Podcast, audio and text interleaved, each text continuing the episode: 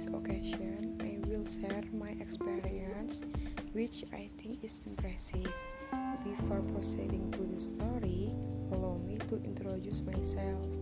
My name is Nilam Cahya Wardani. I'm from 12th grade IPS 1. So, I have a hobby of climbing mountains. And the story is when I first climbed the mountain. At the time, some friends and I were contemplating hiking in Ungaram. We passed our base camp in Umbul Sidomukti, Bandungan. We depart from the house at 4 o'clock. At the time, we left with eight people. Five of them were male and three were female. Arriving at the base camp, my friends and I failed out climbing from and took a break. Then at 7 o'clock, we pray and go on a hike. Estimate time is around 4 hours to 5 hours. In Mount Ungaran, there are 5 areas to rest. To reach the one land post is easy and not steep, so it's easy to pass. Not long after, we come to area 1. The path is quite gentle, so you don't feel tired.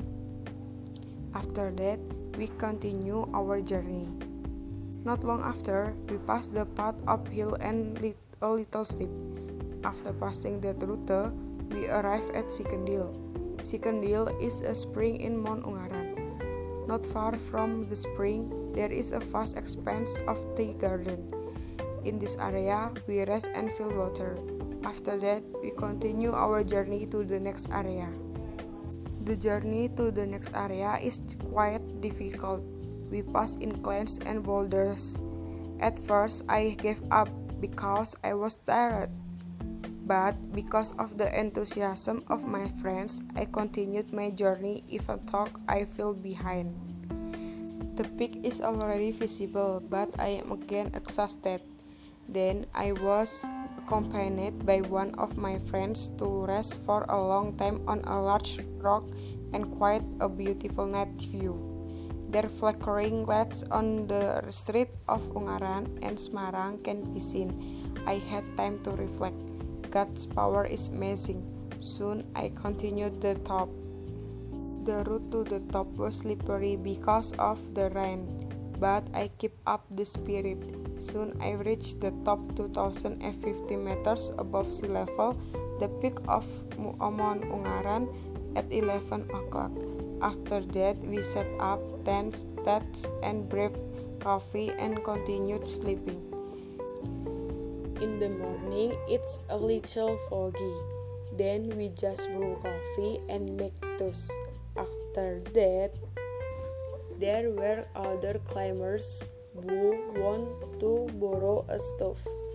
Then we get acquainted with each other, share experience, because it was noon we want to continue our journey home.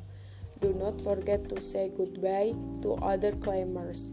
Whoever the climber who borrowed the stuff want to go home with us. So what impressed me was beside the first climb, but also the journey home. Initially, we left with eight people. We returned with 18 people.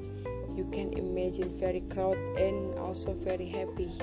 Arriving the climb get we take a photo together as a memory. Well, that was my story. Hopefully it can inspire friends to keep nature, not lecturing. Thank you.